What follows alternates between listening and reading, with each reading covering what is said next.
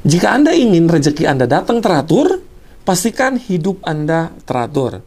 Nah, mulainya dari mana? Mumpung lagi bulan Ramadan, biasanya banyak orang memperbaiki ibadahnya. Jadi, sekarang tugas Anda adalah memperbaiki ibadah Anda. Diperbaikinya bukan dari jumlahnya dulu, tapi mulailah Anda ibadah secara teratur supaya rezeki Anda datang teratur.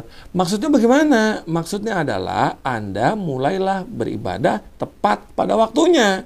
Jangan dientar-entar. Contoh misalnya, ah baru juga azan. Aduh masih banyak waktu sholatnya. Ah nanti aja deh sholatnya. Enggak.